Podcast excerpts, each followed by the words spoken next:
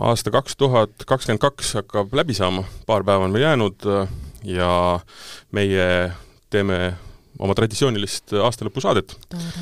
me oleme nüüd neljas kord rääkimas erinevatest vahuveinidest. neli aastat tagasi meil oli saade šampanja, kui ma ei eksi, siis me tegime vintage šampanjade saate, eelmisel aastal olid meil, kui ma ei eksi, olid punased vahuveinid jah, võis olla küll nii, jah mm. -hmm. ja sellel aastal, kui ma äh, Sommeliede assotsiatsiooni president Margiile, Kristjan Margiile tegin ettepanekut uuesti see saade teha, siis äh, mõtlesime, et mis teema, ja ta pakkus välja selline, sellise nii-öelda siis märksõna nagu, äh, mis, mis siis oli, nii-öelda Rare Horizons või kauged, kauged horisondid. jah, et vähe tundmatuvad või vähe niisugused kaugemad vahuveinimad. no vot, mina vaatasin seda valikut, mis on laua peal ja mõtlesin, et lihtsalt võeti kõik ülejäägid, mis kuskilt jäid. sest et noh, on teada, et äh, vahuveini tehakse äh, šampanjas, tehakse šampanjat, tehakse väga paljudes kuulsates kohtades, mida me oleme nii-öelda harjunud võib-olla jooma, aga tegelikult väga head vahuveini tehakse üle maailma. erinevates riikides, erinevates piirkondades ja aina rohkem äh, ja aina põnevamaid, sest äh, inimesed nõuavad seda. mulliveinide müük on vist kõige nii-öelda kiiremini ja laiemalt kogu maailmas kasvav äh, turg vist täna. üsna pikka aega, üsna pikka aega ta nii on olnud tõesti ning äh, sellest johtuvalt on kindlasti ka vahuveinide valmistamine globaalselt rohkem levinud tänaseks päevaks. ning kui vahuvein on samas ka niisugune põnev jook, mis käib tavalise majandustsüklitega kaasas nagu mm. -hmm. et nii kui majanduses läheb hästi üle maailma, nii ka vahuveinide šampanjade müük tõuseb, nii kui läheb kehvemini, nii ka kohe nende nii-öelda müüginumbrid on tavaliselt need, mis hakkavad kukkuma. ehk siis eetris on joogisaade Vala välja ja Martin Keiu ja Kristjan Marki püüavad täna lahendada seda küsimust, mis toimub maailma geograafias, majanduses ja poliitikas läbi vahuveinde läbi jah, vahuveinide, meil on äh, tulemas saade, kus me hüppame kontinendilt kontinendile edasi-tagasi ja meil on väga-väga põnevad joogid. Ja mm, meil on kuus pudelit laual, millest ühe me tegime juba lahti ja natukene juba jõime. ja me oleme täpselt sellises meeleolus, et nüüd äh, kihutada sellel aastalõpu vahuveini kiirteel, õudselt peenelt tuli praegu välja, sellel nii-öelda siis edasi Ähm, aga tead, mulle päriselt ka tundub, et see, et see valik on selline, mille põhjal võib öelda, et me saame oma poliitilisi eelistusi vajadusel edasi anda läbi jookide, sellepärast et see vahuvein, mille me avasime, on Ukraina vahuvein. see on äh, Ukraina vahuvein tõesti, see on ähm, Chateau Shizai, mis asub äh, Transkarpaatias, kus mul oli õnn äh, eelmise aasta aprillis ka kohal käia ja me võtsime sealt siis nende Carpathian sekti või Carpathia sekt siis, äh, mis on küll šarmaatmeetodil, aga tegelikult ma ütlen ausalt, koha peale mul see väga nagu suurt muljet ei jätnud, aga, aga iga rohkem, mida ma teda maitsen, äh, nagu aina paremaks läheb.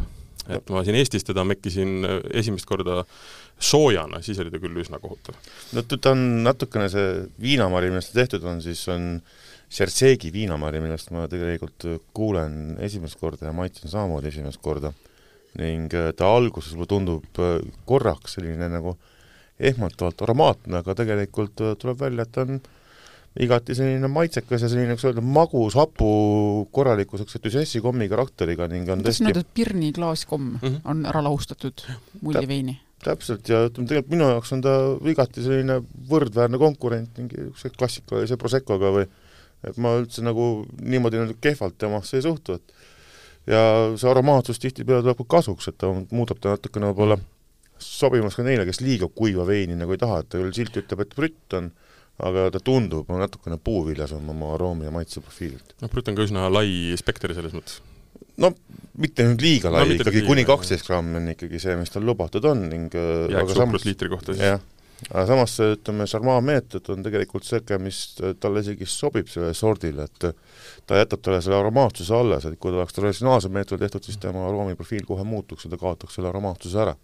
ta on üsna, üsna niisugune põnev jook jah, et ta tundub magus ja siis ta läheb niisuguseks happeliseks ja tal on nagu ka elegantsi, aga ma olen ikka iga kord, kui see pudel saab uuesti lahti tehtud, olen nagu natukene üllatunud, et aga samas mingisuguse kergema sushi kõrvale oleks ta väga hea kaaslane või samas ka niisama nautimine. kas te paneksite ta natukene konteksti, Ukraina on ikkagi vahuveinide poolest täitsa tuntud riik? oi, ta on ju väga suur riik selles suhtes olnud ja väga pika ajaloolise tootmisega, aga noh, ütleme, tänasel päeval on kindlasti rohkem need, kus kohas tehakse, kus kohas saab, on jäänud siin ütleme, just sinna Karpaatiamäe ahaliku juurde rohkem nagu lääne poole peale, et arusaadavatel põhjustel sealt ida poole pealt või sealt Odessa lähistelt praegu väga nagu keerukas tuua vist. Sealt on üsna, üsna keeruline tuua jah, kuigi ähm, veiniexpress.ee on äh, nii-öelda siis veebileht, kust tegelikult seda veini saab tellida ähm,, see veini toomine sealt Ukrainast muutub äh, aina lihtsamaks, sest et nad ise ka on rohkem huvitatud sellest ja, ja teevad seal nagu koostööd, et tegelikult äh, peaks olema tulemas Eestisse paar äh, Ukraina mulli veel, mida ma olen ka maitsnud, aga nad olid veel lihtsamad mm. -hmm. Niisugused, ütleme noh, päris suveterrassil nii-öelda libistamise üks äh, valge oli ja siis oli ka üks roosa, millest ma, ma olen neid maitsnud, aga ma väga ei mäleta neist midagi. aga kas see, kas see sõjaolukord on äh, vahuveinide puhul ka toonud kaasa mingisuguse muutuse äh, kvaliteedis või noh, et, et me oleme rääkinud sellest, kuidas veinidega üleüldiselt aastast kaks tuhat neliteist, kui, kui sõda algas ja enam Venemaa kadus ära põhimõtteliselt sellise mm. ekspordituruna, siis noh, oli, oli tarvis hakata tegema vähe kvaliteetsemaid veine veidi teistsugusele maitsele, kas see peegeldub vahuveinides ka või? no vaata, Ukrainaga on see pull, et ta on nelikümmend miljonit inimest riik. Nad ise jõid äh, enamuse nendest väiketootjate veinidest ära, äh, see tootja on niisugune suur, selles mõttes Ukraina mõistes üks koma kolm miljonit pudelit aastas, et neil oli ka tegelikult eksporti enne. et tegelikult ma arvan, et seda pudelit on olnud Eestist võimalik mingil hetkel saada vähemalt kuidagi see info äh, mingis mo-, nad mainisid meile seal kohapeal, et nad on seda vist kuskile siiakanti saatnud. aga samas see siinkant võis olla ka Läti näiteks. noh jah, ütleme, et nagu jah, tihtipeale inimesed juba geograafiliselt neid täpselt paika ei pane. aga teistpidi ütleme, noh kindlasti kõik niisugused nagu nii-öelda natukenegi idameelsemad trendid ja maitsed äh, kip-, kipuvad pigem nagu vaikselt seal hääbuma vist ja pigem hakkavad tulema rohkem nagu äh, euroopaliku või lääneliku stiiliga rohkem maitsed nagu ruulima, et sellest rohkem ma arvan, et seal maal on potentsiaali päris palju. ning loomulikult see nimi ise juba, Karpaatia sekt, et see on ka ütleme, niisugune nii-öelda nimetus, mis nagu pigem nagu suunab nad näoga rohkem lääne poole peale, sest et ega jah, see on vist kõige idapoolsem sekt, mis ma elus joonud olen. No sekt on, kui kuulajad veel ei tea, siis on nii-öelda vahumeini nimi, mida kasutatakse Saksamaal ja Austrias peaasjalikult, et ka Ungaris mingil määral, jah, aga ta on tõesti nii-öelda siis rohkem selline nii-öelda saksikeelsete äh, riikide termin vahuveinina nagu. siis ma hakkasingi mõtlema, et äkki see on äh, üks, üks põhjus, mis on, et nende see turg oli pigem kuskil sealkandis, Saksamaal näiteks, äh, mis iganes põhjusel või teine asi lihtsalt, sa ei saa šampanjat ei saa kasutada, on ju, et siis see oli kõige võib-olla lihtsam ja kõige niisugusem peenem nimi, mida panna oma vahuveinile, eks ju. see mingil määral näidati küll, et Saksamaal äh, läheb kõik, kus on süsihappegaas sees, läheb päris ohtralt kaubaks ja tegelikult öeldakse, et nad on maailmas kõige suuremad vahuveini mm -hmm. jookide joojad nagu, et et äh, seal kindlasti hinna ja kvaliteediga peab nii-öelda konkurentsivõimeline olema, et seal turul midagi teha on, aga samas ta kindlasti on niisugune toode, mis toob uudishimu inimesi juurde ja kes tahavad proovida ja avastada. no Ukraina vein on täna saanud väga laia selles mõttes tuntuse just sellepärast, et teda on nüüd võimalik saada ja tegelikult seal on väga-väga kihvte asju ja ja ma olen mõnesid selliseid ka proovinud, mis veel hetkel Eestis nagu turul ei ole, et sealt tuleb nagu veel ikkagi päris veidraid marju, päris veidraid lahendusi ja ja, ja need järgmised veinimajad, mis ka Veini Ekspressil on, on tegelikult varsti olemas, on tegelikult ütleme, tasub, tasub silm peal hoida, seal on päris põnevaid asju. et iganes tahab tõesti Ukrainat toetada läbi veinitarbimise, siis leiab selle koha kindlasti suhteliselt kergelt kehvem versioon. ei, ma vaidlesin kellegagi kuskil sotsiaalmeedias, et et noh, et umbes ainukene põhjus, miks Ukraina veini me ostame, on see, et natuke toetada või kuidagi praegu on ta teemas, aga mina vaidlen just vastu, et jah, on väga paljud joogid, mille peale makstakse sellepärast, et toetada, aga, aga tegelikult on nad ka väärt, väga paljud neist on nagu väärt seda nii raha kui ka seda uurimist. seal on põnevaid asju. ja aga nii kallid ei ole, et peaks pangalaenu võtma? nii kallid ei ole jah, aga on kallimad kõvasti kui ütleme, võib-olla samaväärsed noh, nii-öelda kolleegid siis äh, Kesk-Euroopast. eks nad peavad ju kohe natuke õppima, harjutama veel, et ja, ja arvestades keskkonda ja. praegu on see väga keeruline, et, et jah. aga kuna see esimene jook oli sekt, äkki siis liigume järgmise vahuveini juurde ja see ja. on keda me nüüd toetame? Jah, me toetame kõiki häid tegijaid, aga praegu me jõuame siis otsapidi tõesti nii-öelda siis Saksa-Austria vahuveinide juurde, mis võib-olla tavatarbijate jaoks on siiamaani üsna tihti niisuguse nii-öelda soodsama või keskmise hinnaklassi vahuveinide nii-öelda lihtsalt see sektide nii-öelda nii-öelda näitel mõnikord natukene nagu kuritarvitatud omal moel, nagu et suur osa nendest jookidest on üsna lihtsad ja lihtsakoelised, aga tänaseks päevaks on nii Austria kui Saksamaa tegelikult oma sekti nii-öelda valmistamise traditsioonides läinud nii-öelda oluliselt kvaliteetsemaks ja ütleme, kuskil viimase kümne aasta jooksul on tulnud kõvasti valikut juurde nende nii-öelda lihtsalt igapäevaste vahuveinide kõrvale, mis pakuvad tegelikult niisugust nii-öelda üsnagi sügavat maitseelamust. ma ei tea, palju teil kogemusi on Saksa-Austria vahuveiniga? mõned on ikka laualt läbi käinud, jah mm. -hmm, sama. kuigi see... ma ei mäleta, ma vist ei ole mingisuguseid nagu suuri elamusi, ma otseselt ei mäleta, võib-olla ma ei ole õigeid mm, asju joonud. ma mäletan kindlasti seda, et me oleme koolis joonud äh, peaasjalikult võib-olla nende biodünaamilisi mm, siis äh, Äh, nii-öelda vahuveine, sest et äh, Austria oma biodünaamikaga on hästi-hästi kuulus ja tegelikult sealt ka pärineb see termin, eks ju. et siis äh, ma olen neid nagu maitsnud rohkem tõenäoliselt äh,, aga Austria sekti samamoodi. Saksa kuivad riislingu vahuveinid tulevad kohe meelde, aga jah, nüüd Saksamaa puhul tuleks meelde jätta, et on, on lihtsalt sekt, siis on Deutscher sekt ja siis on Winzer sekt. nii, mis ma, mis ma nende põhjal pean järeldama? noh, kui on lihtsalt sekt, siis see, sellest ma juba noh, see on pigem tavaliselt soodsama hinnaklassi toode, millest ma ei su-, millega ei pruugi tegelikult Saksamaal väga suurt, Saksamaaga suurt pistmist olla peale selle, et on selle pudelisse pandud.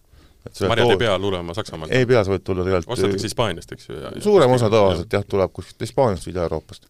ja see on niisugune nagu noh, tõesti väga lihtne igapäevatoode siis on Deutsche Sekt, mis on niisugune nii ja naa, et selle viinamark peab olema pärit Saksamaalt ja peab olema Saksamaal tehtud, aga valmistamistehnika on suhteliselt lahtine, enamik tehakse ikkagi šarmaanmeetodil, noh, võib leida mõned niisugused okeid igapäevased vahuveinid. šarmaanmeetod ehk siis asi, millest näiteks Prosecco on kõige tuntum, jah? enamik Proseccosid tehakse, ehk siis kogu siis see teine kääritamine tehakse mitte pudelis, vaid niisugustes suurtes roostuvast metallist vaatidest tavaliselt ja siis on Winzer-sekt, mis on, ütleme, kõige niisugusem nagu nooblim kategooria, kui mis ka alati sada protsenti kvaliteeti ei pruugi tähendada, kui tuleb vähemalt selle, et siis on ühest konkreetsest viinamarja sordist, ühest konkreetsest piirkonnast, ühe konkreetse tootja poolt ning äh, on siis vähemalt äh, üheksa kuud settel küpsenud ja ainult traditsionaalsel meetodil valmistatud vahuvein ja sealt leiab juba tõesti niisuguseid nagu siis väga põnevaid pärleid ja riislingu vahuveine ja samas ka teistest sortidest ja see on juba tõesti, kuidas öelda, pigem nagu tootjapõhine on ikkagi see nagu, et et kuidas sa pead nagu seda nii-öelda jälgima ja vaatama. aga kui ma seda pärli tahan kätte saada, siis mis see hinnaklass võib olla? No ütleme, niisugune nagu hea korralik nii-öelda vintsersekt on ka ikkagi kuskil seal paarikümne euro ümber on tavaliselt hinnaklassi kõrgem. ühesõnaga šampanja poole vähemalt ei lähe hinnad? no sõltub ka šampanjast. no jah ja., just, aga ikkagi ütleme, üle keskmise on natuke tavaliselt, ikkagi see, tavaliselt see veinimaja ja veinimeister hindavad oma põldu ja viinamarja piisavalt kõrgelt ja seda aega, mis sinna peale kulub. samas on nad üsnagi põnevad ja noh, Riisling on ise juba niisugune nagu päris vahva sort, millest saab teha nii kuivasi kui magusaid ja kui rahulikke kui vahuveine ning äh, siis sinna juurde kombineerida veel niisugune settel küpsemine ja süsihappegaas, siis on tulemused tegelikult vägagi vahvad. mis me sellest arvame? minule see vein väga meeldib. tal oli alguses niisugune võib-olla kerge, mulle, mis mulle meeldib, aga mis võib-olla teistele tekitab niisugust äh, võib-olla küsimust, oli niisugune äh, hea hapukapsa niisugune happe just lõhnas. hapukapsas või? aga, aga mulle hapukaps meeldib. aga ta tegelikult on ta niisugune niisugune mm, ütleme, krõmps. pärast seda ukrainlast on muidugi hea nagu tagasi, tagasi no, tuttavlikule ku, alale tulek. tunduvalt kuivam, kui see eelmine oli. aga tal on niisugust äh, värskust ja särtsu ega ta tegelikult ikkagi, mina ütleks, et äh, kui see eelmist võis nii-öelda vabalt ka lihtsalt libistada, siis see tahaks nagu mingit toitu juurde, et ma pigem paneks selle kuskile nagu eelroa juurde. tal on niisugune, niisugune hape, mis võib-olla hakkab, hakkab võib-olla liiga närima mõnda. et siis ikkagi perekondliku aastavahetuse juurde, kus on laual veel hapukapsajäägid noh, siin me Saksamaal ei ole, me oleme Austrias tegelikult nüüd on ju, et ka Austria kasutab sõna sekt on ju, samas ütleme, ühel moel on nad Saksamaaga sarnased, kuid samas ka natuke teistsugused on ju. et äh, nii-öelda noh, Austria sekti puhul ka samamoodi ikkagi tasub vaadata neid nii-öelda päritolu nii-öelda sekte, kus kohas on siis, ta jaguneb sul nii-öelda siis äh, nii-öelda ka erinevatesse nii-öelda kategooriatesse vastavalt nende siis nii-öelda laagerdus äh, pikkuse järgi ja valmistamistehnika järgi võiks öelda, et äh, on lihtsalt nii-öelda siis äh, Austria sekt, ehk siis peab olema ühes konkreetses maakonnas korjatud viinamarjasortidest ning äh, nii-öelda valmistamistehnika on vaba, kui on lihtsalt Austria sekt, on ju, sa võid teha nii traditsionaalsel meetodil, kui tuleb sul küpsema vähemalt siis üheksa kuud või siis ka metoosarmaat on lubatud. siis on nii-öelda sekt Austria või ütleme, reserv, on ju, et nende puhul on sul ikkagi nii-öelda ka samamoodi ühe nii-öelda maakonna piires, aga ainult siis traditsionaalne meetod ja vähemalt kaheksateist kuud settel. ning siis on, ütleme, see nagu kõige-kõigem Austria puhul on Grosser reserv, ehk siis nii-öelda sekt Grosser reserv, see on see, mis meil ka praegu ees on, on siis nii-öelda Brut Natur ja Blanc de Blanc ja kaks tuhat kuusteist aastakäik ning Grosser reservi puhul on miinimumnõue vähemalt kolmkümmend kuus kuud siis settel küpsemist. ning sortide omas on ka Austria juba natukene kuidas öelda siis fleksibiilsem, et antud juhul on siis kasutatud tegelikult suhteliselt sellised nii-öelda äh, peamiseks oli klassikalist Chardonnay'd, tema kõrval Pinot Blanc'i ja Pinot Grid's, siis ütleme vastavalt siis üheksateist ja neli protsenti. ning öö, on pudeldatud siis kaks tuhat kakskümmend üks aastal ja kaks tuhat seitseteist teeb kokku siis peaaegu siis neli aastat settel küpsemist. mis on tal siis nii-öelda siis natukene pikemaks ning veinitootjaks on Loimer, kes on ka tuntud oma biodünaamiliste veinide poole pealt ja nii-öelda siis hästi sellise nii-öelda viinamarja säästva ja loodust säästva lähenemisega tuntud oma veini valmistuses ja äh, Loimeri mm, veinimeister, nimi Fred. Fred, käis ju Eestis siin just äsja äh,. Ja siis oli ka väikene nii-öelda masterclass, siis tegelikult äh, seal ma seda maitsesin ka. et see on tõesti väga, väga vinge. ja mis neil, äh, mida neil kahjuks Eestis vist ei ole, aga minu meelest kui satub kätte, neil oli väga lahe Äh, vurtsuga viinamarja äh, mahl. ka minu arust vahepeal oli Eestis täitsa olemas. mis oli ikkagi nagu väga vinge maitsega jõuline alternatiiv, äh, kui sa ei taha alkoholi. ta tõesti oli väga niisugune elegantne ja mõnus. ja noh, kindlasti ütleme, meil Eestis Austria nii-öelda see sekt leiab veel, ütleme, et on siin veini albumil on ja on siin veel mõningad maatoojad, kellel tegelikult Austria sekti ka valikus on, näiteks on ju, et lisaks Loimerile mm. viinaraamat, et kindlasti jah, Cross Reserve jällegi loomulikult hinnaklassilt läheb ka kohe jällegi kallimaks, on ju. et no ikkagi peab arvestama jälle mingi paari, üle paarikümne eurose. aga nad on umbes samas hinnaklassis nagu Saksamaa veinid siis või? no ei, isegi nagu pigem sõltub jälle tootjast, sõltub sellest nii-öelda ka sellest sekti astmest, on ju, kas ta on sul nii-öelda siis cross reserv või reserv, on ju, et see on kohe ju jällegi nii-öelda ajavahe ja kulu ja rahakulu ka kohe hoopis teistsugune siis. nii, kas ma nüüd kokkuvõtlikult saan õigesti aru, et kui eh, tahame õhtu alguses eh,, aastavahetusel, siis kui veel kõik saavad aru, mis maitsed on, siis peaksime võtma Saksamaalt Winzerseksi sekti, oi, läks juba kinkiks eh,, ja Austriast Grosse Reserve ja siis hiljem võime minna rahulikult tagasi sinna toit, Deutscher asjadeni ja lihtsalt mm, reservideni, niimoodi? Äh, no see on juba natukene üldistav, tegelikult ka Austria reservsektor on täitsa nagu ikkagi ainult traditsionaalsel meetodil, aga kuid mitte nii pika settel küpsemisega. aga Saksa puhul kindlasti soovitan rohkem vintsersekti kui nii-öelda lihtsalt sekti või toidusekti, mis on oluliselt anonüümsemad tooted mm. -hmm. aga noh, ütleme sektiga on ikkagi pigem see, et nad on äh, kallimad kui näiteks äh, noh, teine siis äh, vahuveini siis Prantsusmaalt noh, ütleme näiteks Cremant näiteks, Cremanti võib olla väga erinevas hinnaklassis, kümnest kuni noh, kolmekümneni näiteks, sekt üldiselt äh, noh, hakkab pigem kahekümnest eurost, kui me võtame väga head sektid küll, jah. aga no. tegelikult on samamoodi ka sektides tegelikult niisugused nagu lihtsamad, igapäevasemad mm. tooted, nagu ma ütlesin, samamoodi nagu on kremaatides. aga pigem mõte selles, et ärge nagu põlake ära, kui näete sellist sõna nagu sekt oma vahuveinipudelil, et äh, need on Saksamaa või Austria või ka Ungari, aga noh, seda vist ikkagi pigem Eestis harvem. et äh, võtke ligi igal juhul jaa, noh minule need sektid väga tegelikult mm -hmm. sümpatiseerivad ja ma ikkagi aeg-ajalt täitsa otsin mingit põnevat siineid välja. kuna Riesling on mu lemmikmari, siis äh, ma hindan neid väga kõrgelt no mitte ainult, nagu ma ütlesin, Austria puhul sa saad hetkel jaa. küll ei saanud äh, Rieslingi. hetkel ei olnud. vot näiteks samad tootjad on ka Blanc de Noir näiteks olemas mm -hmm. näiteks ka mhm. Austrias tehakse väga vahvaid äh, roseesi ja ka ütleme, Blanc de Noir, see on näiteks kohalikust Zweigelti marjast, mis on mitte ainult mm -hmm. Pinot Noiris, ütleme, mis on tuntud juba vahuviinimarjaga. aga ka kohalikest sortidest, mis tegelikult on väga vahvad ja põnevad ja ja loomulikult Austria puhul ka Blau Frankis näiteks, mis on väga mhm. vahva, põnev roosavahu veinimaterjal näiteks, et oma natukene sügavama, tugevama intensiivsusega. aga jaa, liigume meie edasi. me läheme nüüd, vahetame kontinenti ja me läheme nüüd tegelikult väga põnevasse kohta. sest et ma arvan, et me läheme Niagara Niagara lähedale, me lähme Niagara siis oi, oi, oi. peninsulale ehk siis äh, poolsaarele, kui ma ei eksi, eks ju. Äh, me läheme Kanadasse. ja Kanada vahuvein on nüüd küll niisugune asi, mida väga paljud tõenäoliselt maitsnud ei ole. Eestis on see nüüd saada ja see on väga kihvt jook.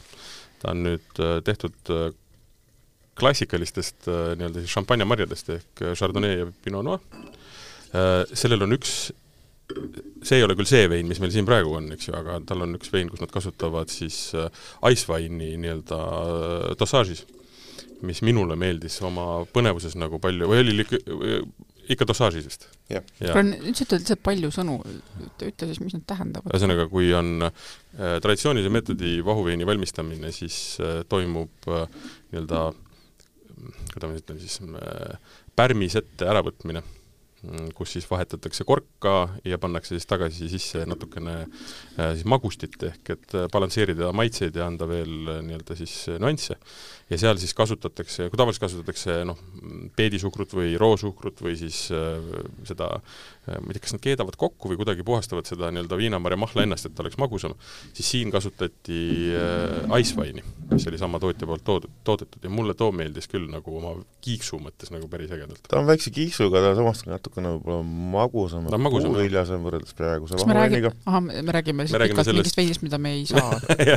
Keiu, sinu, sinu ärritluseks tõesti küll, jah no,. aga tore. Kanada kui selline tegelikult on veinimaana ju väga vahva ja põnev, neid Kanada vahuveinid viimasel ajal on tegelikult ka maailmapildis äh, päris tublisti tõusnud ning tõesti võiks öelda, et on nagu kas nii-öelda kolm peamist kohta, kus kohas nad teevad, kindlasti üks on tõesti siis nii-öelda see eh, Niagara järvistu juures on ju, et veekogud on hästi olulised seal, teine on Ontarios, aga kolmas, äh, mida, mis on vähem tuntud ja millele ka auhindu nopivad täna rohkem, aga mis võib-olla oma mahult on oluliselt väiksemad, on kindlasti Nova Scotia.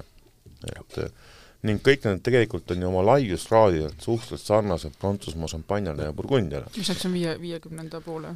see on üks äh, hämmastav nii palju, viiekümnenda, noh, viiskümmend üheksa on Eesti, ütleme noh see on niisugune hämmastav lugu, kus äh, me mõtleme Kanadas, siis esimene asi, mis meile meelde tuleb, või mõttesse tuleb, on lumi, jääkarud, luu, jääkarud, lumi, täna, kui me räägime Ameerika Ühendriikidest, siis ma ütlen ausalt, jõululauas tekkis korra kimbatus, kui tekkis äh, ju-, juttu sellest, et äh, kuskil nii-öelda siis Ameerikas on miinus nelikümmend viis kraadi külma, mõtlesin, et see on kirjaviga, aga see päriselt nii oli.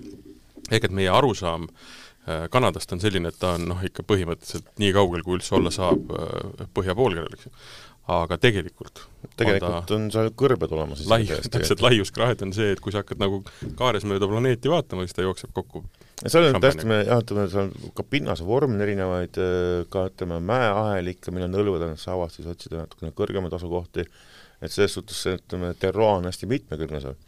no kindlasti võib-olla ütleme noh, päris niisugust nii-öelda kriidist laimikivi seal päris ei ole, nagu on šampanjas endas, aga kas korralikku lubekivist ja sellist pinnase vormi on küll seal ja ja täitsa saavad teha väga ilusaid ja korralikke vahuveine. valdavalt nad domineerivad seal, ütleme siis klassikalised sordid, ütleme, on siis sul Chardonnay ja Pinot Noir ja ütleme, nende sugulased, kuid samas Kanadas ja Ameerikas on levinud ka ütleme siis hübriidsortide kasutamine mõnikord. ehk siis et, mitte ainult jääkarud, vaid ka rebased? täpselt, ehk Foxy wines. et mitte ainult Vinifera perekonnast, vaid ka natukene siis tõesti Lombruska perekonnast ja Rupastis perekonnast ja teistest perekonnast pärit viinapuusi, millest on tehtud siis erinevad hübriidsordid, võib-olla tõesti kõige rohkem kohtab seda tegelikult Nova Scotias, kus kohas on võib-olla kliima kõige äärmuslikum nendest, ütleme, kus on tõesti suhteliselt külm. Vitis vinifera ei taha seal enam eriti nii-öelda nagu kanda, eks ju? ta on kuskil pooleks on tegelikult mm. see sordi, ütleme, jaotus seal. aga noh, kõige noh, kõige tuntum vein piirkonnast on siis Tidal Bay, mis tegelikult on kaubamärk, kus kohas nad segavad kokku nii viniferat kui siis hübriidsorte ja tuleb niisugune kerge kuiv valge vein, mis on niisugune poolaromaatne, aga töötab hästi kohaliku kammkarbi ja lobstriga, aga seal kõrval nad teevad tõesti siis äh, väga heal tasemel vahuveini. Ja Kanadas üleüldiselt äh, vahuveine tehakse kõikides piirkondades ning äh, Eestisse väga palju neid jõudnud ei ole, et on siin proovitud ühte koma teist tuua, nüüd tõesti on mõned aastad meil saada olnud siis nii-öelda siis antud tootja Brike valikust on siis äh, Jackson Ricks, kellel on olemas nii siis äh, vahuveini kui tavalist veini ja jääveini, aga minu jaoks on nende vahuvein selles suhtes nagu hästi hea stiilipuhas selles suhtes ja ja ikkagi on tunda see settel küpsemine, mis on kaks pool kuni pea kolm aastat, mis nad seal hoiavad. see, see on väga meeldiv vahuvein. et äh, igati nauditav ja niisugune hea vaheldus ja silmaringi laiendaja, võiks öelda. kuule Kas..., minu see rahakoti küsimus jälle, mis hinnaklassist me umbes räägime? No, vastu vahuveini no vot, no vot, no ikka seal kahekümne-kolmekümne vahel. Äh,. Arvestades, kui kaugelt ta tuleb, ta on iseenesest noh, kuulub küll suurde gruppi, aga tegelikult on vist väike tootja, eks ju, siis noh, nad on kallimad tõenäoliselt ja natukene aga tal on niisugune ka klaaskommi niisugune lõhn, aga, aga tal on üsna palju nagu ei mm, ole nii, see, see ei ole nagu niisugune keemiline. ei, ei ole absoluutselt. ta on niisugune nagu Briti ülemine ots, võiks öelda nagu, et ta ei ole see selline seitse-kaheksa grammi, pigem jääb sinna kuskil kümne-üheteist grammi juurde nagu maitse järgi öeldes, et kui ma nüüd vaatan õigesti, Äh, Entourage. see näeb ilus välja ka kusjuures. Sparkling Finish, aa ei, mul on vale, Icewine'i oma on kakskümmend neli grammi liiter, seda ma hakkasingi vaatama mm, -hmm. et see saab olla liiga, liiga palju, et mm, see on jah, ütleme bruti ülemine ots, jah. mulle tundub, et see on nagu niisugune tore asi, mida kingituseks kaasa võtta, et ta tõepoolest eh, minu jaoks jutt jätkub kauaks, eks ju? no jutt jätkub kauaks, eh, mekib väga mõnusalt eh, šampanjalikult ja näeb ja. kaunis välja ja on huvitava looga, eks ju ka. pehmeks ka küpsenud juba nagu. hästi. kui ütleme, eelmine niisugune nagu hästi operatiivne ja pigem niisugune nagu hea austrikaaslane, siis see on juba selline nii-öelda väga lobe vein on. jah. on ju just et valad kõigile välja ja kõigile meeldib kas või lihtsalt äh, starteriks nii-öelda väikene pokaal, seda väga head ja ta hoiab minu arust ka seda muussi ehk ehk mulli päris nagu lahedalt. järelmaitse saab ikkagi hape päris kenasti nagu balansseerib selle natukene puuviljasema magusama keskmaitse nagu ära, et ta on, öelda niisugune nagu ground pleaser võiks öelda, crowd pleaser nagu öeldakse, et selline, et ta sobib paljudele ja, ja jääb pikaks ajaks. et selles suhtes on kindlasti tema plussid, aga ja kindlasti loodaks, et tuleks ka Ameerikast ja Kanadast vahuveine, mille juurdlus tegelikult ka Ameerika on väga suur. Ameerika Ühendriigid on selles suhtes nagu suur vahuveinimaa ja ning äh, Mehhiko, Brasiilia on väga suured vahuveinitootjad maad, et tegelikult see Ameerika manner teeb vahuveine väga suurtes kogustes. loomulikult suur osa nendest, mis eriti seal ütleme, Mehhiko ja Brasiilia tehakse, on pigem kogu mõeldes kohalikule turule suhteliselt lihtsakoeline, aga leiab kõikides nendest maadest ka niisuguseid nii-öelda siis hmm tippe, mis tegelikult suudavad konkureerida tegelikult maailmaklassikutega üsna edukalt.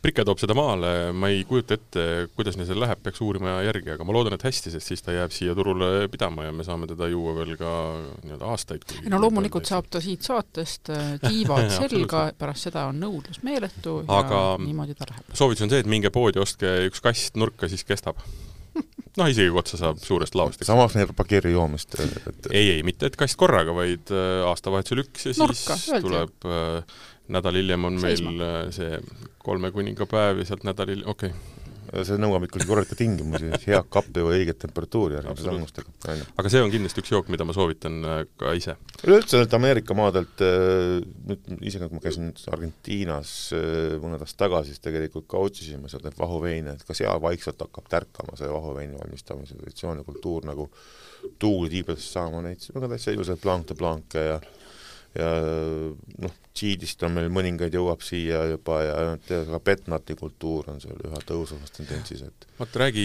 räägid tootjatega ükskõik kust maailma nurgast, nad ütlevad seda, et vahuveini nii-öelda joomine suureneb ja et mehed joovad vahuveini. no mis neil meestel siis varem ka oli?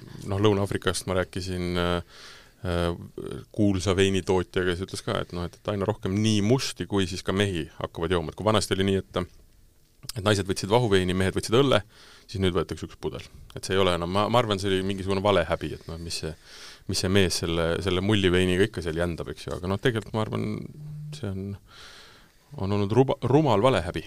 ei saa üldse põhjusest aru.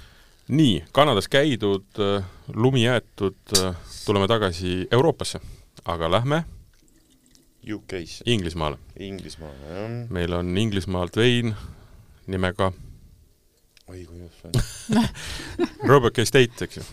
Robert Estate kaks tuhat neliteist võiks öelda, et tänasest valikust kõige küpsem ja kõige Marki nägu läks kuidagi väga õnnitseks ning äh, no ütleme, et äh, kui muidu öeldakse, et äh, šampanja terroad ei saa mitte kuskil mujal nii-öelda kopeerida ja šampanja jääbki tänu sõna šampanjaks, siis ütleme, õige lähedale jõuab tegelikult tast Inglismaa.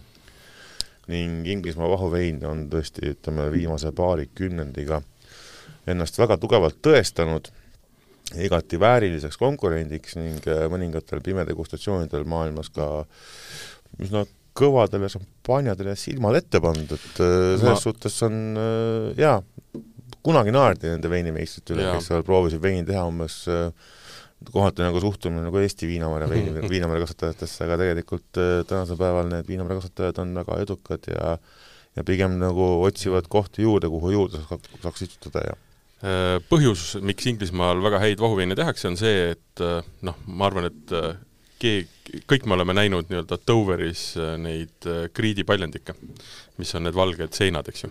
see on küll julge väide, et kõik me oleme no pildi pealt ikka oleme näinud. ja nüüd point ongi selles, et seesama äh, nii-öelda siis see kriit, mis on šampanjas, läheb äh, me-, mere alt läbi ja jõuab tegelikult Inglismaale.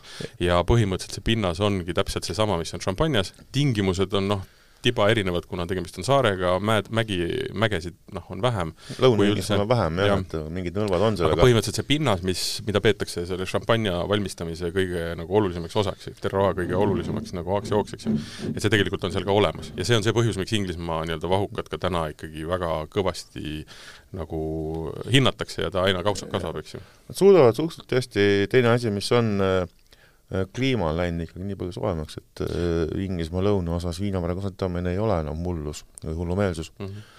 ning äh, nad said üsna peagi aru, et punase veiniga vist ei ole nagu väga palju vaeva mõtet näha, et hakkasid pihta vahuveiniga alguses, et mis andis neile võimaluse nagu oodata, kuni kliima veelgi soojenes ja nüüd täna teevad ka punast veini ja valget veini ja ka vahuveini jätkuvalt, on ju et vahuveini puhul sul tõesti ei pea viinamarjas nii palju suhkrut olema, sul on pigem vajalik see happesus ja värskus, mis külmast kliimast tuleb, pluss siis tõesti pinnasest johtuv mineraalsus ning ka lõpuks siis see nii-öelda ajaline panus, lastes veinidel rahulikult pikemalt küpseda, annabki kokku tegelikult igati tipp-topp tulemuse. loomulikult tuleb ka aru saada, et jällegi kõige suurem tarbija on Inglismaa enda tarbija.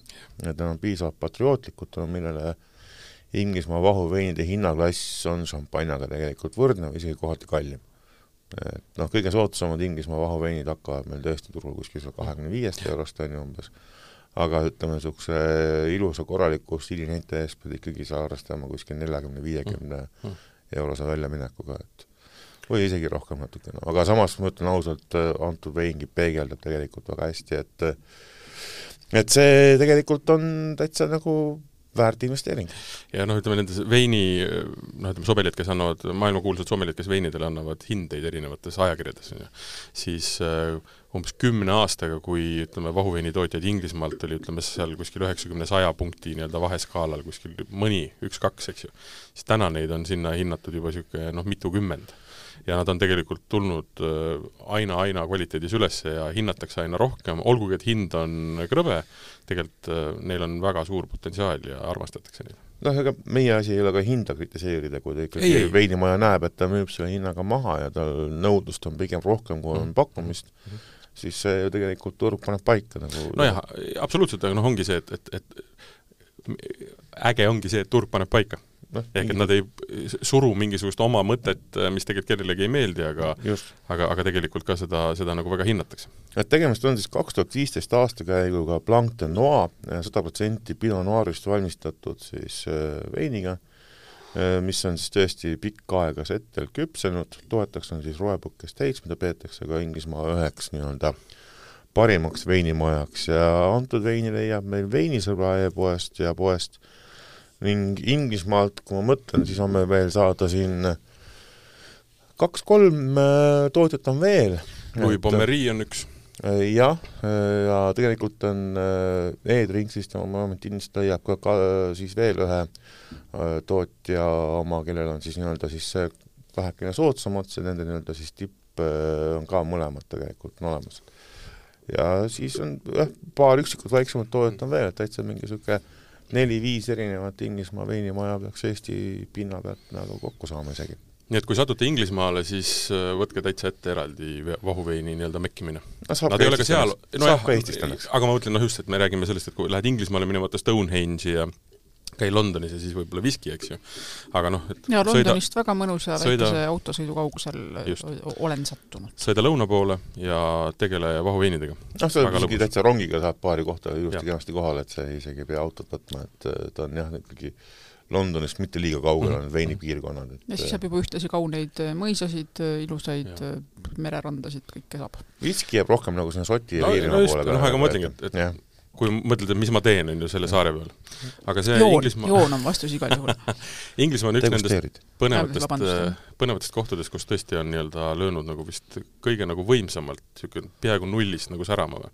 noh, eks need niisugused nii-öelda esimesed katsetused on ju juba ammu-ammu no, tehtud seal, on ju, niimoodi, aga tõesti, ütleme, särama on hakanud lööma ta siin viimase paarikümne aastaga. ärme unusta ikkagi Inglismaa suurt rolli selle, et me saame üleüldse vahuveine millegi sisse panna, ilma et need klaasist pudelid plahvataksid. seitsmeteistkümnes no, sajand, klaas. ütleme niimoodi, et äh, selleks, et me täna kõiki neid veine saame juua ja ütleme, veinimaailm üldse selline on, tuleb tänada ühelt poolt äh, hollandlasi, kes olid äh, kaupmehed ja mür-, mürgeldasid selle ka-, kraamiga, ja siis teiselt poolt inglasi, kes olid mõnusad joodikud, kes äh, mille turg oli põhjatu, mis lükkas käima nii portveini kui Bordeaux kui veel kümneid ja kümneid erinevaid piirkondi, kust hakati tootma, sellepärast et äh, see oli täitmatu auk, on need inglased juba kunagi enne nad olid ka kõvasti veinid teinud, aga siis tuli see väike jääaeg peale, mis mm -hmm. nende juures veini valmistamise välistas ja mistõttu nad hakkasid tõesti kõvasti veini sisse ostma ning äh, tõesti rikkam äh, Ühendkuningriikide alam või jõukonna liige tavaliselt ikka õlle ja siidri poole hästi ei vaadanud, pigem vaadati ikkagi rohkem veini ja vahuveini ja kangestatud veini, et jah, nii ta on. Mm, kes veel kuulnud ei ole, siis ma õpin äh, sommelieks jah. ma isegi olen näinud sind seal. oled siis viimane, selle aasta viimane tund oli meil, oligi nii-öelda kuulsad äh, vahuveinimajad, äh, ka šampanja ja siis oli ka Inglismaa seal ja siis äh, lektor Igor Sööt, kes on meil käinud siin saates mitmeid kordi, tundis ka väga sügavat kurbust, et konkreetselt seda Roebaki nii-öelda veini ta ei saanud. ja siis mul on nüüd hea meel, et ma saan selle tegelikult ikkagi selle aasta sees ära maitsta, nii et see on väga lahe vein, ta on ikkagi tõsine, tõsine tükk, mida, mida nagu hammustada. tal on ka, ütleme siis äh, nagu tavaline versioon ehk äh, Blanc de Blanc peaks olema ka Eestis olemas saada, et et paar erinevat varianti on nagu olemas Eestis roepakilt, et oota, aga Inglismaal ju mingisugust nii-öelda apellatsioonireeglistikku täna ei ole, on ju? Nad hindavad neid lihtsalt selle järgi, et äh, kaua nad äh, kuidagi, palju nad vaeva on sinna pannud või? On ikkagi ühte koma teist on nagu tekkimas, ikkagi et on nagu siis äh, Inglismaa vein on, ütleme ikkagi paneb paika mingisugused geograafilised määratlused, on ju äh,, minu teada enamik tootjad kasutavad ikkagi ainult traditsionaalset meetodit, šarmaatmeetodiga seal keegi eriti nagu väga vaeva ei näe, vähemalt tuntumatest majadest. et äh, ikkagi pigem on selline kvaliteedile fookus ja niisugust nii-öelda äh, igapäevatoodangule nad oma ressursse väga palju ei panusta, et äh, lihtsalt seda viinamarja on ikkagi piisavalt vähe seal, et äh, mistõttu selle omahind tuleb suhteliselt kõrge ja siis nad ikkagi väärindavad seda maksimaalselt. marjad on selles äh, veinis väga rõhutatult olemas. et see röstisus ja, ja ütleme, see see nii-öelda settel seismine on, on väga hästi tunda, aga on, on. mingisugune veider jook on laua peale sattunud mm., kus on hoopis teistsugune kork, mis värk sellega on? nüüd me lähme seikleme edasi, eks ju? nüüd me läheme Aafrikasse. mingi siidrikork. nii, Inglismaalt me lähme nüüd Aafrikasse, sinna, kus äh, jõudsid hollandlased. noh, ütleme, seal on olnud mõlemad tegelikult ju. mõlemad on tegelikult olnud, jah. aga noh, pigem on ütleme see, et äh, Lõuna-Aafrika on minu jaoks üks nii-öelda siis äh, üllatusmuna, alati võiks öelda veinimaailma kontekstis, et sealt leiab kõike sa saad sealt Bordeaux stiilis veine, saad sealt Rooni stiilis veine, saad sealt Burgundia stiilis veine, samas ka Saksa stiilis, samas ka natukene Portugali stiilis ja Austraalia stiilis ja no, et nad kolonialistid igal pool. teevad tegelikult kõike ja kõiki. asigi pole selles, kas keegi on üle käinud või ei ole, pigem nagu selles, et kohalikud veinimeistrid on üpriski niisugused nii-öelda avatud mõtteviisiga ja noorem generatsioon praegu on üsnagi ruulib seal, kes on üle maailma käinud reisimas ja õppimas, kes tahavad asju ka koha peal katsetada ning ütleme, Lõuna-Aafrika vahuvein ehk siis ütleme, metood Cap Classique ehk MCC on meil vast turumaal noh, suhteliselt ikkagi tuntud juba ja teatud, ütleme, kui ütleme, et on väljapoolt Euroopat üks niisuguseid nagu tuntumad äh, vahuveine üldse, üleüldse nagu. ning äh, ütleme, metood Cap Classique'i vahuveinide valik on Eestis täiesti nagu korralik ja decent, aga ma võtsin tõesti väikse kiiksuga veini nagu siia kõrvale, et äh, võtsin ühe siis nagu Petnat ehk Petilant Naturelli, mis on tehtud niisugust huvitavast nimelt nagu siis Sanso. Sanso. Sanso kohalik nimetus kunagi oli Hermitage ja on osa ka siis ütleme sellest nii-öelda äh, Lõuna-Aafrika rahvuslikust tumedast viinamarjast nagu Pinotage on üks esivanematest, aga Sanso ise on tegelikult viinamari, millel on päris ergas happesus ning äh, kui teha temast niisugune nii-öelda rosee versioon, kus kohas ta see kestakontakt on mõõdukas, siis äh, saab temast teha igasuguseid põnevaid näiteid.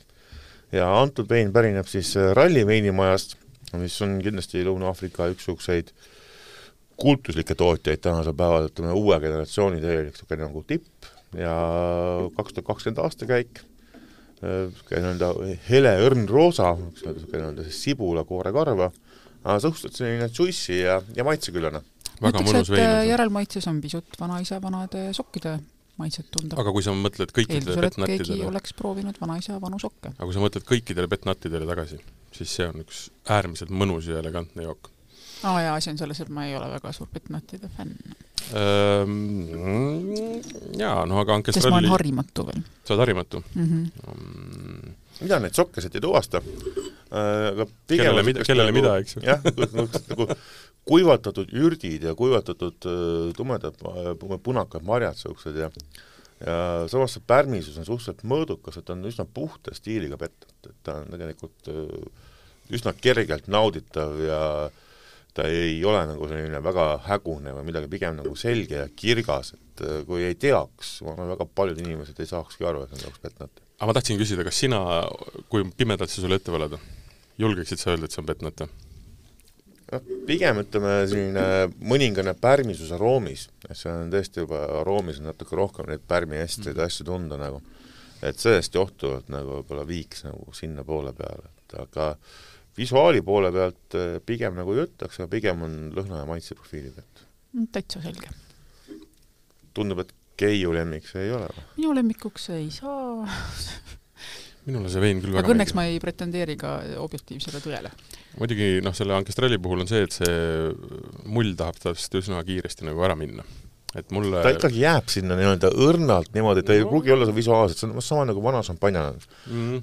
et tihtipeale vaatad, et nagu üldse ei ole mulje, aga võtad lonksu suust ja hakkab, tekitab selle mõnusa peene torkiva tunde täpselt see nagu kurgulaes ja niimoodi, et ka tunned seda karboniseeritust seal no. väga pehmelt ja ja delikaatselt ja ja noh, loomulikult eh, Petnat eh, leiab täna noh, praktiliselt igalt poolt kõige rohkem äkki leiabki Eestis neid äh, Itaaliast ja Austriast ja Prantsusmaalt, mis Eesti turu saada on, kuid minu arust see Lõuna-Aafrika versioon on, minu jaoks on ta väga selline nii-öelda juicy ja mahlakas ja väga mõnus stiilinäide minu jaoks nagu, et ehk et kui Lõuna-Aafrikasse minna ja tahta midagi hästi klassikalist, siis võiks vaadata neid Cup Classique, aga siis kui tahta midagi natukene eh, veidramat, omapärasemat, aga samas mitte eh,, mitte nii veidrat, et ükski su sõber ei taha pärast sinuga rääkida eh,, siis näiteks see. oota, Ankestrell ei lähe Cup Classique'i alla ju?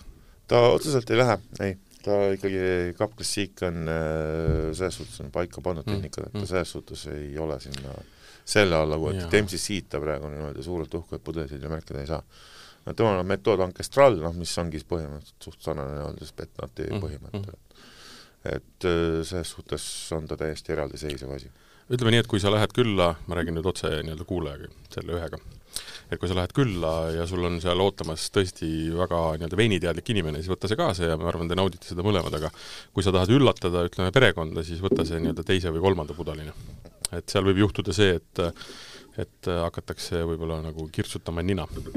aga tegelikult on no, minu jaoks küll, minu jaoks küll väga meeldib see. üllatada inimesi, kes ei taha üllatamist saada. kingitud hobuse suhu ei vaadata, lõpuks läheb ikkagi kõik degusteeritakse ära. ma arvan, kui sa ei näita A silti ja B korki, ja valad välja, ma arvan, inimesed joovad selle väga suure hea meelega ära. aga kui juhuslikult jah, ütleme see nii-öelda ankestrall ei ole teie teema, siis aga tahate samas nii-öelda seal Lõuna-Aafrikas ikkagi seigelda, siis sellel aastal, sellel aastal jah, pidas oma viiekümnendat äh, sünnipäeva no Cup Classique pidaski oma viiekümnendat sünnipäeva sellel aastal. viiskümmend aastat tagasi loodi Cup Classique kui nii-öelda siis äh, Lõuna-Aafrika vahuvein ja selle siis nii-öelda tootjaks on Simon Siig äh, veini, suur veinimaja ja oma selle kapsa ja vonkliga. ja see kapsa ja vonkel on meil täiesti olemas Eestis väga mitmes erinevas nii-öelda arenguastmes ja olgem ausad, ka see tavaline reserva, ma, on reserva neil? jah, reserv on olemas, jah.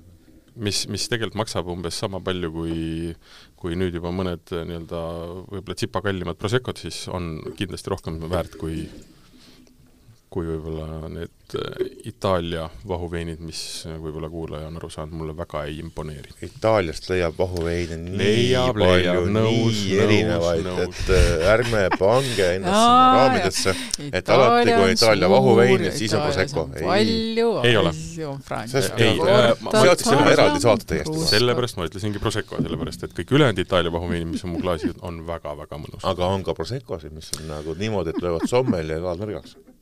Kujutad sa ette Jaa. sommeli ja Prosecco kõlad nõrgaks, aga need on olemas täiesti. on jah? Ah, see kõlab küll nagu kuri jah. vaim. no siis on mul järgmisel aastal, mida oodata. on, on. kaks tuhat kakskümmend kolm, tule! kuulge, aasta lõpp on juba nii lähedal, et äh, on aeg viimast veini proovida. aga tõesti, kui me, me muidu oleme Euroopa maad juba enamuses nagu läbi käinud nii-öelda tuntumad veinimaad eh, nii rahuliku veini kui vahuveini kontekstis, siis vahuveini kontekstis kindlasti on, võiks öelda, natukene tähelepanust kõrvale jäänud veinimaa nimega Portugal, kus kohas tegelikult vahuveini on tehtud pikka aega ja mille tootmine ka üha rohkem tõuseb ja mille nii-öelda ka võiks öelda siis äh, märgistus ja kogu see, ütleme, kvaliteedisüsteem ka aegamisi oma samme teeb, kuid loomulikult need asjad ei juhtu kiiresti ja üleöö, mistõttu kohati on Portugali vahuveinidest arusaamine isegi asjatundel natukene keeruline, aga tehakse Portugalis tegelikult nii-öelda vahuveine nii šarmaatmeetodil kui traditsionaalsel meetodil, tavaliselt kui on traditsionaalsel meetodil, siis on ka pudelil selgelt välja toodud, et see on ikkagi üks niisuguseid müügiargumente ja on espumante on, et võiks öelda selline klassikaline termin Portugali kvaliteet vahuveinile. ning äh, Portugal kindlasti särab ka oma unikaalsete viinamarsortidega. et ja millest mitmed neist on tegelikult üsna sobilikud vahuveini valmistamiseks. ning äh, võiks öelda, et äh, mu enda üks niisuguseid lemmikuid on viinamarsort, mida tihtipeale võrreldakse ka mingil määral nagu Pinot Noiri või Nebbiologa, on Paga ning äh, Paga on selles suhtes sort, millest saab teha väga võimsaid punaveine, kuid ka tegelikult väga nõtkeid, elegantseid äh, rosee-vahuveine ja ka Blanc de Noir stiilis vahuveine. aga ka punaseid vahuveine. Ja ka punaseid vahuveine, tõesti. Portugal on üks niisuguseid maid, kus kohas, äh, kes tahab rohkem teada, kuulab eelmise aasta saate järgi, aga tõesti Portugalis on äh, väga, üsna tugev traditsioon ka punastele vahuveinidele. ja see pa-, Paga punased on kahtlemata ka minu meelest need vahuveinid, mida siis, kui tahad kedagi natukene üllatada ja midagi põnevat saada, mis suure tõenäosusega siiski läheb väga kenasti alla, siis punased Pagad on mulliga väga aga vahuveini kontekstis sõber ei tahagi rääkida pärast sinuga. Eh, seal on niimoodi, et soovid saada seda reaktsiooni, oh issand, ei taha, ei taha, oi, see on täitsa põnev. noh, mingeid selliseid reaktsioone on Paga punase vahuveiniga võimalik tekitada küll. on ja ütleme ka Eestisse on tegelikult äh, ütleme noh, suurem osa vahuveine, mis jõuab Portugalist, on siiski ütleme siis klassikalise heleda või roosa värvusega, seal kõrval on ka punaseid mõningad, aga ütleme tänasel päeval ikkagi Portugalide vahuvein. ja valik Eestis on äh, täitsa just selgelt olemas, aasta veini konkursil tegelikult oli juba üsna mitu neist ja need said ka igati vääriselt tegelikult tunnustatud, et äh, ning äh, noh, kellelt me leiame Portugali vahuveine, ma tean, et Palmergil on kõige Mil, suurem Milvinjas Milvinnosel on kõige suurem valik selles suhtes nagu, et äh, no nad seal- ongi keskendunud Portugali veinidele. nojah, see on tugev fookus endale, siis loomulikult on ka sealt, ütleme, vahuveini valik võib-olla suurenenud, tänane vein on ka samamoodi nende valikust, on siis Marco Este Marialva Rosé Paga Bruto nii-öelda siis, et ehk siis kuiv äh, vahuvein traditsionaalsel meetodil äh, valmistatud Paga viinamarjast ja on siis äh, Pera Atlantico piirkonnast ja pudelis kääritatud vahuvein. üsna mahlakas äh,, hinnaklassilt äh, pigem jääb ta sinna, ütleme sinna nõksa alla paarikümne euro võib-olla hulgimüügis, aga samas ütleme sisu poole pealt on ta minu jaoks ilus selline õrn äh, marjane taniin, mõnusad metsamarjad, natukene kirsisust äh, vast, aga ütleme samas niisugune mõnus struktuur ja ja pikk äh, mõnus mahlakas hape on see, mis kestma jääb. tahaks mingisugust ähm, mitte väga pikalt lagerdunud ja väga vürtsikat salaamit siia kõrvale või mingisugust lihalõiku. Ah oh, jumal jah, kuus veini maitstud, siis hakkab mhm. tõesti söögiisu peale. jaa aga degusteerimiseks minu meelest eh, noh, kas või sealtsamalt eh, Milviniuse leheküljelt eh, võtta paaga nii valge rosee kui punasena võiks olla päris äge asi, mida sõpradega teha näiteks. jah, jah. paaga on üldse üks sellest hästi põnev viinamarja sort, mis, millel on nagu nii-öelda väga mitmenäoline nii-öelda karakter, et saab temast teha ühtemoodi natukene kergemat veini, aga hoopiski tummist veini, nii vahuveini kui ka rahulikku veini, et selles suhtes on kindlasti üks Portugali staarsorte ja minu jaoks need vahuveinid temast on ka tegelikult igati niisugused nagu põnevad, isikupärased leiud tihtipeale olnud nagu. kuidas teil? Äh, räägid üldse või räägid äh, tänane valik või see konkreetne vein? see konkreetne vein on vali oma lemmikteema. üsna, üsna niisugune mm, ma ütleks niimoodi, et inimesele, kellele meeldib äh, hääpunane vein, suudab sellega väga kergesti saada sõbraks. sest tal on need karakterid olemas, pluss siis mull. kui ma minu, räägin väga lihtsas keeles. minu lemmikute hulka see ei saa ja kuna ma olen tõesti sellesama tootja valget ja punast proovinud, siis need valge ja punane minu jaoks on mõlemad toredamad tegelikult hmm.. ma just tahtsin nagu paagat ja siis mõtlesin nagu selle rosee versiooni peale.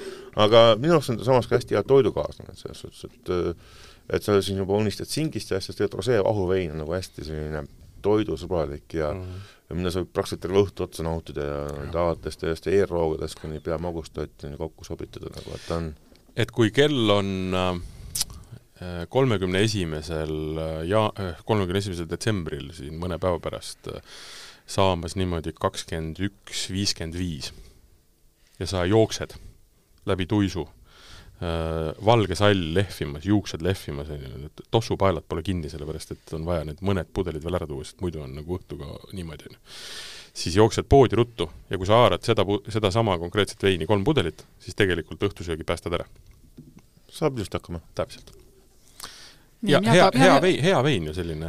ma tahaks nüüd diskrimineerida ka veine ja valida oma lemmikud, sest et absoluutselt tee seda. sa mõtled nende valikust või üleüldse?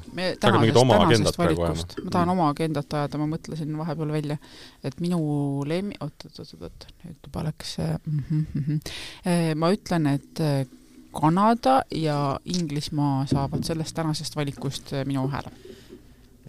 tundub, et sul on raha maitse sulle meeldib jah, eriti kui need tulevad ilma raha maksmata ise siia stuudiosse laua peale mm. -hmm. jaa, ega ma ei saa sulle selles mõttes vastu vaielda ja ma arvan, minu valikud on umbes samad. kuigi see Lõuna-Aafrika äh, see ralli mm, Sinso on ka tegelikult väga kihvt. mulle see väga meeldib. ta on niisugune hoopis teistsugune nagu keha ja, ja olek kuna mina need veinid valisin, siis mina keeldun lemmikut valimast, minul on, minul on ühe või teisel põhjusel kõik lemmikud selles suhtes, et äh, lihtsalt äh, erinevates kohtades, erinevatele inimestele ja erinevate söökidega ja ja erinevate tujudega, aga see on väga meeldiv, et sa oled nii demokraatliku olemisega. see on selline aastavahetuse ja pühade meeleolu, kohe läheb, hing läheb hellaks. liberaalne mm. -hmm. aga kui me päris ausad oleme, siis ütleme, see nii-öelda kaugemad horisondid, eks ju, see teema, siis äh, saaks veel kaugemaks neid, tegelikult, on ju tegelikult Uus-Meremaa, Austraalia, Aasia, ei pigem jätame Aasia kõrvale aga Sparkling Sake näiteks on väga vahva. et äh, Jaapanist Kurat, kas ma olen seda proovinud? oi, see on tegelikult väga põnev jook jällegi mm., et äh, tehakse nii erinevatel tehnikatel ja ja sake ise on ju muidugi nii mm -hmm. põnev teema, head kuulajad, kui tekkis huvi sake vastu, sakesaade, küll mitte mulliga sakesaade, on meil olemas. vaadake üks, äh, saadete arhiivi.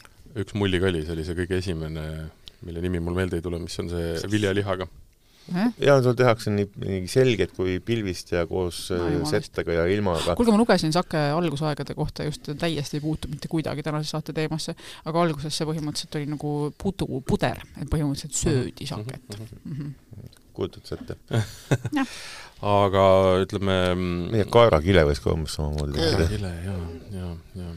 no ütleme, kaugete hor-, horisontide alla me saame ka täitsa Eesti kärutada kindlasti, aga teil on praegu Eesti saated päris kenasti on tulnud, ma usun, te kindlasti vahuvõinide proovisite seal ju? mina muuseas, kuna me käisime siin tiirutamas Eesti siis veiniteel, siis me, mina ostsin näiteks mulle kaasa igalt poolt mm. -hmm. ja ma olengi nüüd just nii-öelda sellel kolmepäevasel nii-öelda söömismaratonil, mis meil selja taga on, olidki, mullid olid välja arvatud üks šamp-, kaks šampanjat, sorry, olidki Eesti vahuveinid mm. -hmm. ja seal oli ikka väga põnevaid, et meil tehakse aina ägedamaid veine. ja mull on ja. seal kuidagi niisugune, mis, mis võib-olla on kõige rohkem arenenud, mul on niisugune tunne. noh, meie kliima võib-olla soosib tõesti niisugust pigem nagu jah nagu mulje või, või siis ütleme, öelda vahuveine või, või valgeid veine, kui me räägime viinamarjadest, absoluutselt, punase veini valmistamine on alati natukene keerukam, et selles suhtes vahuvein on kindlasti hea alternatiiv aga jaa, eh, kindlasti ka kodumaine toodang eh, selles suhtes väärt lausa eraldi saadet varsti arvatavasti. ja et teada saada, mis jaa. on paremad palad, sellest kuulake taas kord meie arhiivist juba tehtud Eesti veinide saateid ja neid on veel tulemas, tulemas. ees.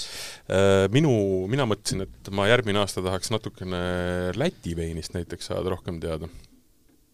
Siis tuleb Lätti minna. täpselt. ja, ja see ei ole ju väga keeruline Äh, ja siis ma lugesin, et äh, ka nii-öelda Lõuna-Rootsis on tõmmatud käima päris korralik äh, nii-öelda veinimajandus. noh, suurusjärg Taani, Norra, Rootsi Just. on tegelikult üsna tugevalt, aga ütleme, seal muidugi hinnaklass läheb juba ikkagi mm -hmm. šampanjast mm -hmm. kõrgemale ja pigem jällegi kohalik turg on see, kes kõik selle ära jookseb. kuule, lepime täna nendega uue veiniga, mis me ja, ära mikutasime. ma tahaks loota, et kõigil maitses, kõigil oli põnev ja Need veinid olid tõesti väga kihvtid, ma ütlen ausalt, et äh, pildid veinidest oli... ja nimekiri saab olema selle saate saab olema. juures ka üleval. mul oli kerge hirm, et see nii-öelda soojenduseks võetud ukrainlane ei saa nagu hakkama. aga minu arust ta oli täitsa tore, tore start. jaa tema selles suhtes kindlasti, ei, mõtleme, et alguses esimene lonks korraks nagu kas tõesti, aga siis, kui jõudis asi järemaitseni, siis mm, täitsa aga nagu kõikide asjadega, kui piisavalt palju juua, siis alkohol läheb järjest paremaks näin, ja paremaks. näin, näin, näin, näin, siin me ikkagi oleme professionaalid, et ikkagi ah, võtame veini ikkagi nii-öelda analüüsiks ette ja mm -hmm. ja võtame temast nii-öelda välja maksimumi. nagu ka meie hea kuulaja et äh, kui te tahate veel nii-öelda nagu äh, täpsemalt teada, kuidas see kõik käis, siis äh, selle artikli juures, mida te selle nii-öelda saate juures näete, seal on foto meist, kus me oleme jõulukuuse all, või noh, kuuse all. ja mhm. kui härra Kristjan Marki sinna jõudis ja ma talle selle ukrainlase välja velasin, siis ta võttis lonksu, ütles, et oi kui magus. Ja siis me tegime pildi ära ja minut hiljem hakkasime jalutama stuudio poole, ta ütles, oi, see on ju täitsa ilus nii et äh, vot üllatas. ja mul on väga hea meel just selle üle, et sa ei olnud seda marja nagu varem maitsnud, see on väga põnev. tõesti ei olnud, jah. iga päev miskit uut, elukestev õpe, nagu me ütleme sommelli ametikohta. et jaa, tulge no kooli, proovige aga teeme ühe põneva ringi veel, äh, mis te soovitate või soovite kahe tuhande kahekümne kolmandaks aastaks? Äh, ja kuna meil on joogisaade, siis võtame, võtame selles valguses. see on raske küsimus, et et noh, kindlasti joogi kontekstis võib-olla külastada paari piirkonda maailmas, mida ei ole võib-olla varem õnnestunud või mida tahaks külastada. et noh, reisimist kindlasti jaa, et äh, see aasta sai juba ühte koma teist reisida ja oli päris vahva üle paariaastase pausi. ning äh, kindlasti uusi põnevaid maitseid, et ja ikkagi ka ise juurde õppida, mitte ainult teisi õpetada, vaid ka mm -hmm. käia ja mhm. õppida ise juurde, et see on üks põhjus, miks mulle see eriala jätkuvalt meeldib. kunagi ei, kunagi ei ole liiga tark. mina ütlen, et kui ei jõua reisida, mhm. siis üks tore asi, mida teha, võiks olla kutsuda mõned sõbrad kokku, keda pole ammu näinud, aga kellele võiks vein pisut meeldida, mõelda välja üks huvitav teema ja, ja siis leida niimoodi võimalus ja. näha ägedaid inimesi ja tutvuda toredate veinidega samal ajal. jaa kui te reisida ei saa nagu Keiu alustas, siis äh, minge raamatupoodi, ostke raamat Vala välja, mille Keiu sel aastal välja andis. see on, äh, mina ei ole seda veel jõudnud lugema, palun vabandust, aga ma võtan selle nüüd ette ja ma arvan, et sealt saate selle, noh jah, okei okay,, me ütlesime, et me ei propageeri joomist, aga minule tekib, ma arvan, mitmeid kordi seal tunne, et tahaks minna ja natukene mekutada, aga mekutada nagu ma ütlesin, mina tahan minna Lätti, nii et ma arvan, et see on kaks tuhat kahekümne kolme kohta piisavalt palju, kui äh, pikk eesmärk ühesõnaga, et, et jah. rahvakirjanik Andrus Kivirähk äh, ütles nendest uusaasta lubadustest, et tema annab lihtsaid lubadusi, näiteks seda, et kannab mütsi. Su minu puhul on see keeruline, et mina ei anna mütsi näiteks sa suudab alati täita. aga minu poolt igal juhul jaa, lõbusat aastavahetust ja toredat uut aastat kõigile, et aitäh kutsumast! Me tuleme uuel aastal kindlasti tagasi, sellepärast me uut aastat ei soovi, aga mina soovin head vana aasta lõppu. nautige neid viimaseid päevi, võtke juurde mõnusad äh, mulliveinid, tarbige loomulikult äh, teadlikult ja tarbige vastutustundlikult, vett kõvasti vahele ja jumala eest ärge rooli minge, sellepärast kui teist üks rooli läheb, ma tulen isiklikult äh, järgi teile. häid hetki! teeme nii. saade, mida te kuulasite, oli Vala välja mm, meil oli siin kuus mulliveini ja kolm inimest, oli Eesti Sommelier Assotsiatsiooni president Kristjan Marki, mina olin Martin. Keiu. ja Liisale tervisi, kes väga tahtis tulla, aga otsustas, et oli natukene kontaktne kõikide asjadega, mis liiguvad ja mis ei ole alkohol. niisiis, äh, pange veinid külma, hea, et äh, see kakskümmend kaks läbi saab, hea, et kakskümmend kolm tuleb, olge mõnusad. kuuleme jälle